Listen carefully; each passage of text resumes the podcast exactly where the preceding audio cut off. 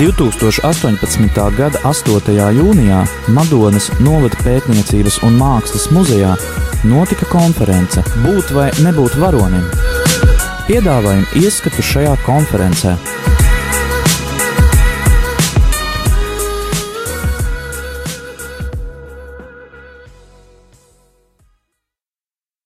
Šobrīd mēs esam nonākuši pie iedaļas, kas saucas jautājumi un diskusijas. Pirms tam vēlreiz gribu paldies teikt Madonas novada pašvaldībai, Madonas novada pētniecības un mākslas muzejam, Madonas Kristus karaļa katoļu draudzēji, valsts kultūra kapitāla fondam, Vidzemes plānošanas reģionam, akciju savienībai valsts meži, Radio Marija un Hidra Baltika. Paldies visiem par atbalstu! Mm. Arī man šis ir bijis tāds izaicinājums, iekāpt nedaudz citās kurpēs, nedaudz citā laivā. E, šobrīd izdarīšu vēl kaut ko tādu, ko parasti nedaru.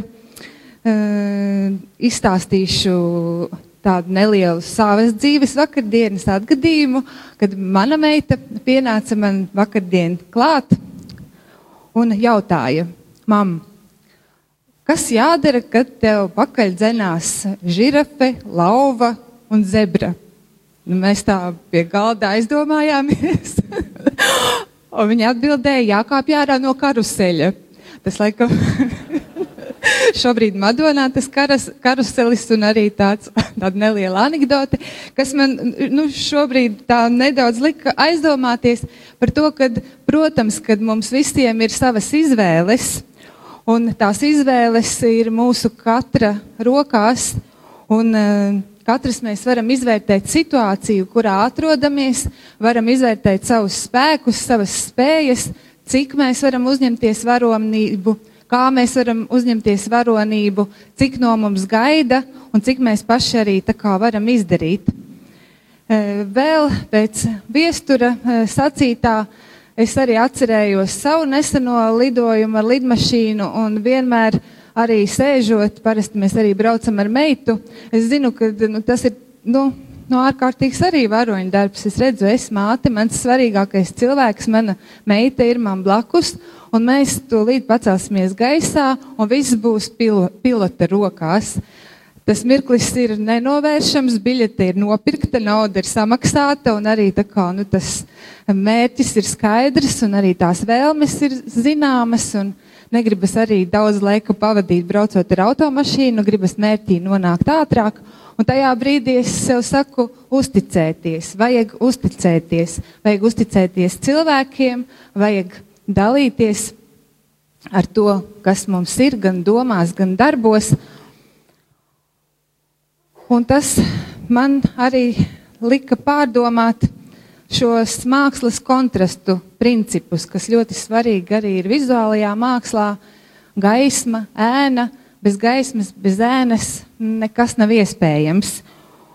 Un tā kā nāku no Jāņa Simpsona Madonas mākslas skolas, un mums ir uh, brīnišķīgs pirmais direktors, Jānis Simpsons, ko savā ziņā mēs arī uzskatām par šīs puses varoni, no kura varam mācīties un smelties iedvesmu. Un arī klausoties mm, šajā dienā, man vēl jau vairāk nostiprinājās tā atziņa, ka mēs esam izvēlējušies skolai e, pareizos vārdus, kurus mēs izdziedam himnā, lai es pats par sevi tieku, lai es tumsā nepalieku. Tas ir tieši tas pats, jautājums, kas es esmu, kur es eju, ko es gribu savā dzīvē sasniegt. Nu, šobrīd esam pie jautājumiem, esam pie diskusijas. Mums ir mazāk par desmit minūtēm uzdot jautājumus mūsu viesiem, brīnišķīgajiem lektoriem. Varbūt mans pirmais jautājums, kā turot rokās mikrofonu, man tādas e, pārdomas radās, varbūt Eh, tieši šīs filmas un eh, arī iestudējumi savā režijā, kad viņi ir eh, ar šo nāves klātesamību, varbūt tāpēc mēs viņus arī gribam redzēt, tas mūs vairāk aizskar, ka tā ir šī latvieša mentalitāte, kad mums ir vēlme sevi raustīt, sevi arī uzvilkt uz vienas stīgas, un ja nav šī sāpīguma, nav šī sērīguma kādā no iestudējumiem, tad mums liekas, nu jā, tas tāds viegls gabaliņš. Tas manī neko nepārveidoja. Līdz ar to mans jautājums viesturam Kairišam, vai tas būtu saistāms tieši ar latviešu mentalitāti, kad viesturs izvēlās tādus, nu, teiktu, smagos gabalus? Ne, nu, antīkā dramaturgija. Es vienkārši domāju, ka jāķerās pie Sofokla. Tiešām, tur, tur ir ļoti daudz e, tēmu. Šekspīrs. E, tur nekā nav par, latviešu mentalitāti. Es kā reiz, e, kā, kā reiz, kad es strādāju, man ir ļoti svarīgi nenodarboties ar latviešu sērīgumu. Bet dzīvību rādīt kā dzīvību, nāvi uztvert kā nāvi. Un kā tie ir universāli jēdzieni tieši latviešu sērīgums, e, tāds, e, tāds melanholisms e, man nav, man nav tās tuvākās lietas, jo man, man liekas, dzīvi vajag baudīt līdz galam augstākajā tās pakāpē un mirt arī tikpat brīnišķīgā veidā.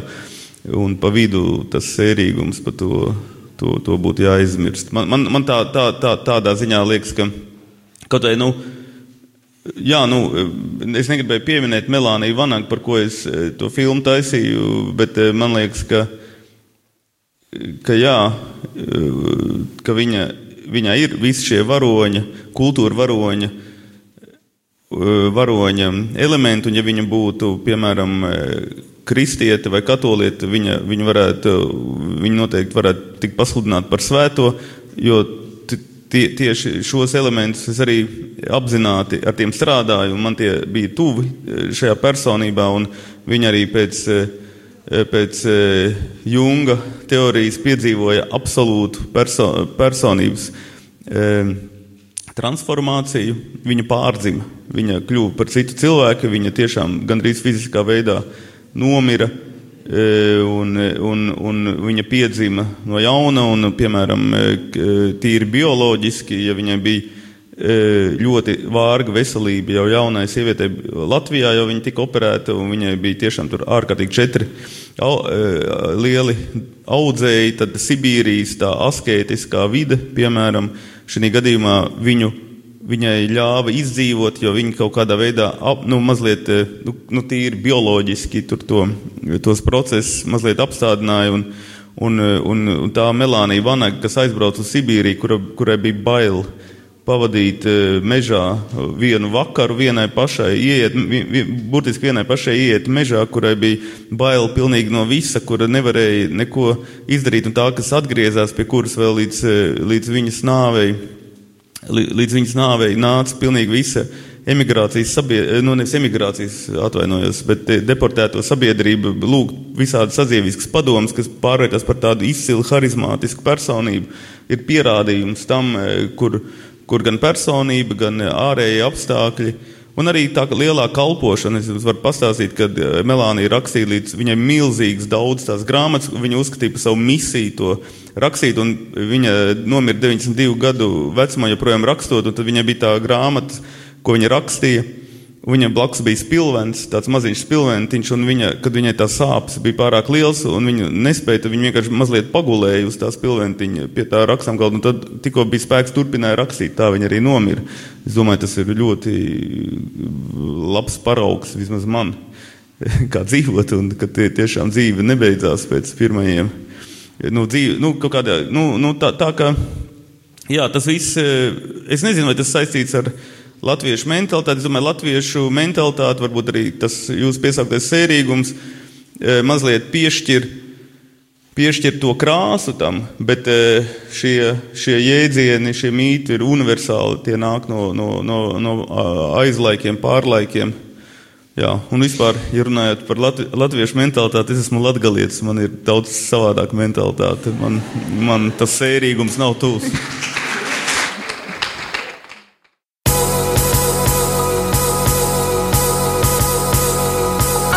2018. gada 8. jūnijā Madonas novada pētniecības un mākslas muzejā notika konference Būt vai nebūt varonim.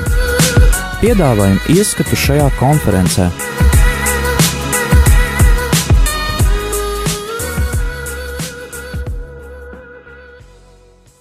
Aicinu vēl uzdot jautājumus. Lūdzu. Es gribētu pajautāt, profesoram Tumanam, eh,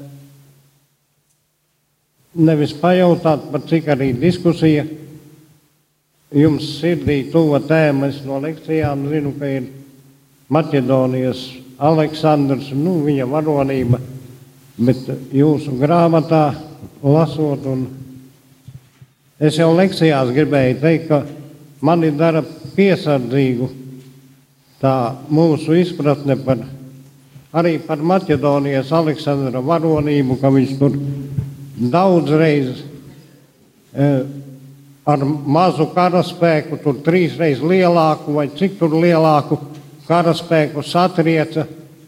Man tas atgādina tādu varonību, kā piemēram sesklasnieks sadot pa purnu tur trījiem, četriem trīsklasniekiem. E, vai, nē, e, vai, vai tā ir e, varonība? E, vai tā ir varonība? Manuprāt, bažas raisa un arī e, viņa tā paraugu tautas veidošana, ka viņš savus karavīrus tur lecināja ar vietējām da daļavām. Man kaut kur atgādina Hitlera uh, domas par vācu rases izredzētību, tur ārisību. Uh, ko jūs, un vēl viens jautājums, kā maniem kursabiedriem klājas. Bet ko jūs atbildētu uz šiem maniem e, iebildumiem par varonību? Jā, lūdzu, spēcīgi. Paldies par jautājumu. Nu, kā jau teicu, īstenībā ir dažādas izpratnes par varonību. Ja? Mūsdienās es jums rādīju bildes, ļoti dažādi tēli. Un līdz ar to viss atkarīgs no skatu punkta. Ja mēs skatāmies teiksim, no kristīgās skatu punkta, nu, tad kur jā, uzvarēt kaujās, nu, varbūt pēc tam, ja tu neizstāvi savu dzimteni. Aleksandrs jau neizstāvi savu dzimteni. Ja, ja, ja tu mirsti par dzimteni, nu, to mēs visi teiksim, jā, viņš ir varods. Bet viņš jau neizstāvi dzimteni, viņš karo slavas dēļ. No antīkās kultūras viedokļa es jums prezentēju viņu kā antīkās varonības paraugu Aleksandra. Ja? Viņš atdarināja Homēra varoņus. Viņa paraugs bija Ahilējs, viņa sensis mitoloģiskais, tacīt, ja? viņš skaities Aleksandra pēcnēcējs. Otrs viņa mitiskais sensis bija Herakls. Un viņa uzdevums bija pārspēt viņus abus. Un īstenībā viņš meklē tikai godu un slavu. Un antīkas kultūras ietvaros, sacītu, ne tikai antīkās kultūras ietvaros, es jums rādīju mozaiku kristīgā mozaikā, 4. un 5. gadsimts, kristīgais laikmets, un jūs redzat uz mozaikas grīdas, baznīcā, baznīcā jūs redzat Aleksandra varoņdarbus. Tā saprotat, ka viņš iespaido pat arī kristīgi domājušos cilvēkus. Un, protams, viņš kļuva par varoni pēc tam kristīgajā kultūrā. Tieši ar ko? Ar to, ka viņš varēja veikt cilvēkam nepaveicamo. Jo atcerieties, varonības pirmā nozīme - varēt. Varonis ir tas, kas var, var vairāk un pārāk nekā citi. Un Aleksandrs varēja tiešām ļoti daudz. Viņš varēja izdarīt to, ko neviens nevarēja.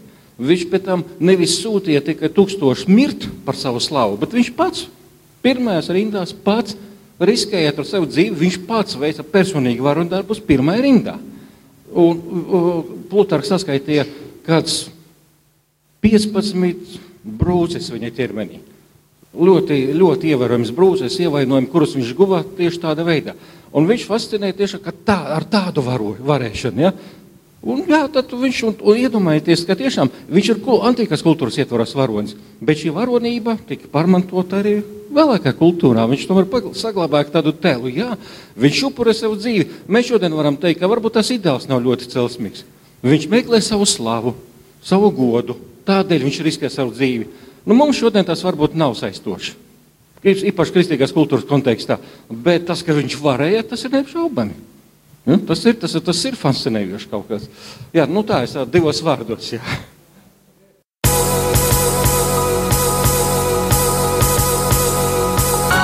2018. gada 8. jūnijā Madonas novada pētniecības un mākslas muzejā notika konference Būt vai nebūt varonim piedāvājam ieskatu šajā konferencē.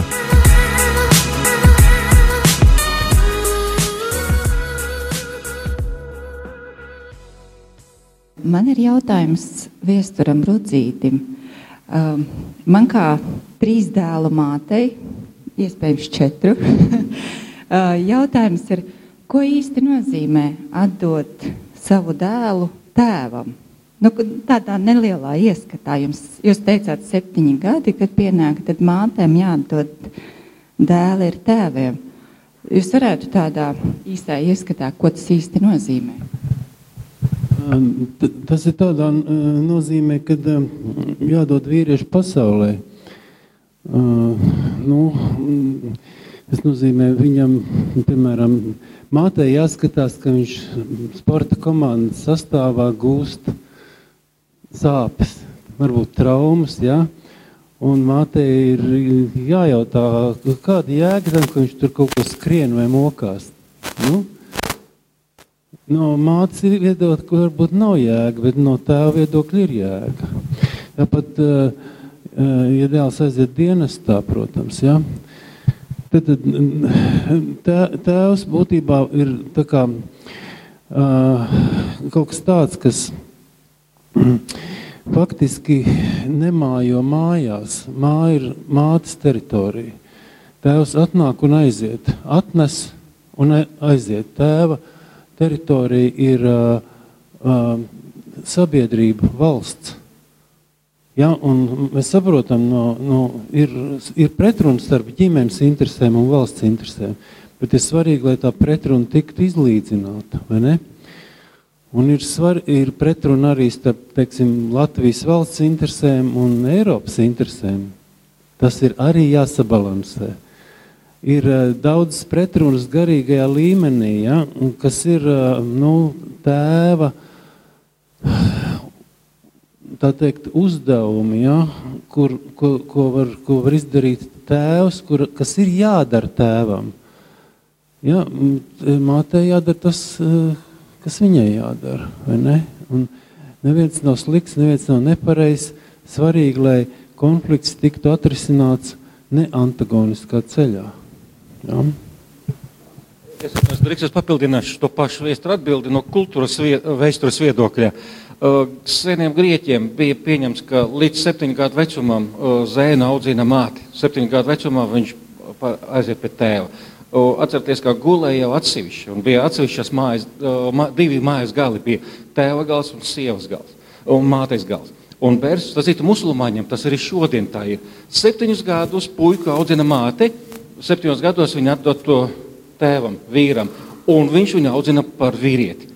Un mēs daudz ko varam pārmest musulmaņu sabiedrību, varbūt mūsdienu kontekstā, bet mēs zinām, ka par vīrietības un vīrišķības trūkumu tur gan nevar sūdzēties. Ja, ja mēs gribam, lai būtu vīrieši, tad, protams, vīrietim ir tas jāaudzina. Un, jā, par, jā, jā, mums visu laiku zēnas audzina sievietes, mājās, skolās, bērnu dārzos, visur. Sievietes rezultātā mēs redzam, ka vīrieši ir sievišķīgi, sievietes vīrišķīgas. Ja? Ja mēs gribam tādu normālu balansu starp zīmumiem, nu, tad man liekas, tāds racionālais modelis ļoti dabisks. Un tas senās kultūras, visa, īstenībā tradicionālais kultūrās tas parasti notiek. Līdz septiņiem gadiem māte, pēc tam tēvs. Starp citu, tas izskatās, ka nav kaut kāds izdomāts kultūras fenomens. Es domāju, ka tas ir kaut kas bioloģisks. Jo pērtiķu barā četrgadīgs pērtiķēns puika tiek uzšauts augstāk pie, pie vīriešiem. Ja? Tas ir kaut kāds bioloģisks princips arī. Šobrīd skolā jau arī savus bērnus palaižam no septiņiem gadiem. Cīnāmies, lai sešos neņem. Ne? nu, arī pie sievietēm. Man arī jautājums iesturam Rudzītim. Jūs esat minējis, ka šo, šodien mūsdienās modē ir pašapliecināties. Un mēs labi zinām, ka visi sociālie tīkli tiešām ir vaļā un cilvēkiem arī patīk sevi demonstrēt un rādīt. Tur mēs arī esam anonīmi, mēs varam izdomāt sev dažādas sejas, dažādus vārdus. Un tur mēs arī varam nu, pateikt varbūt savas slēptākās domas, kur, no kurām varbūt pat pašiem kauns ir. Nu, ko jūs par to varētu teikt, kas, eh, ko tas liecina par mūsdienu sabiedrību? Uh, redziet, man ir, uh, mans, mans um, darbs man māca tādu kā pietātu un ļoti kritisku attieksmi pret uh, tādiem vārdiem kā es domāju vai es gribu. vai uh, es izlēmu, vai man liekas, ka ir pareizi. Jo šie visi teicieni, viņi kaut kā uh, ļoti paaugstina ap, apziņas nozīmi un personiskās izvēles nozīmi.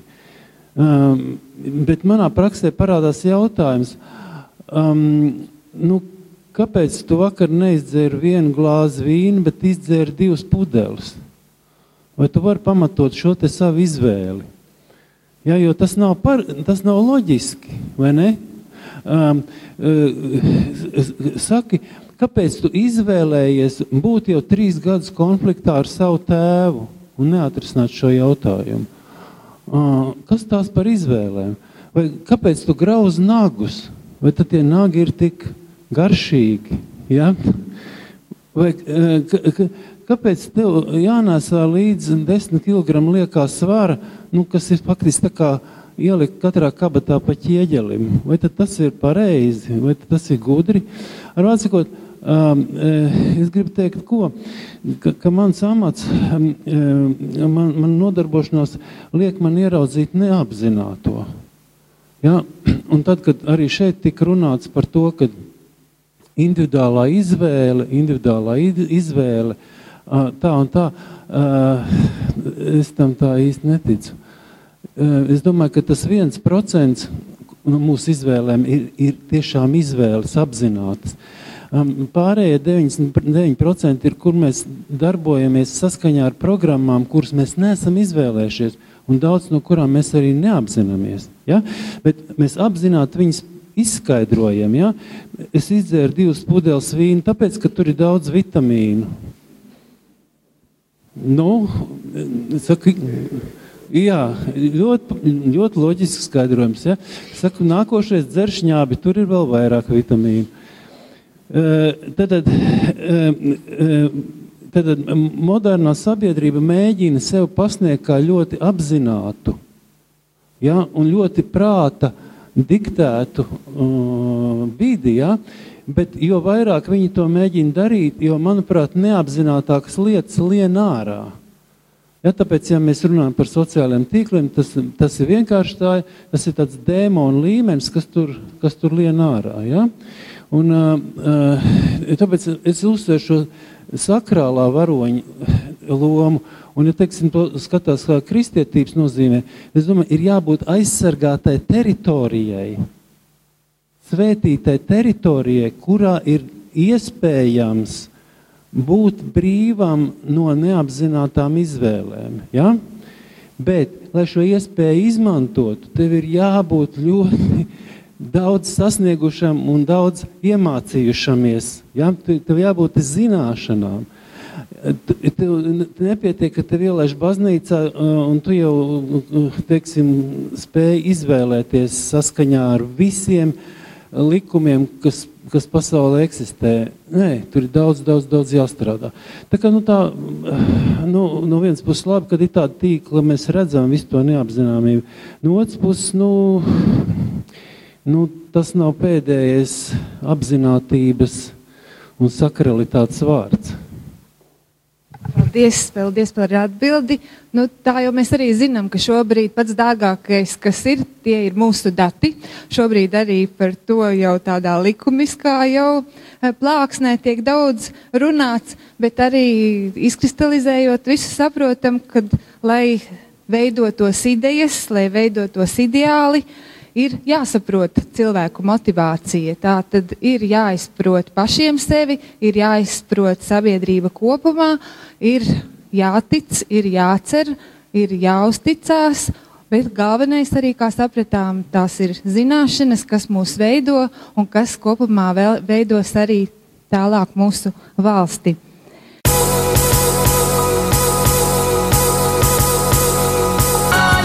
Izskanēja ieraksts no konferences Būt vai nebūt varonim.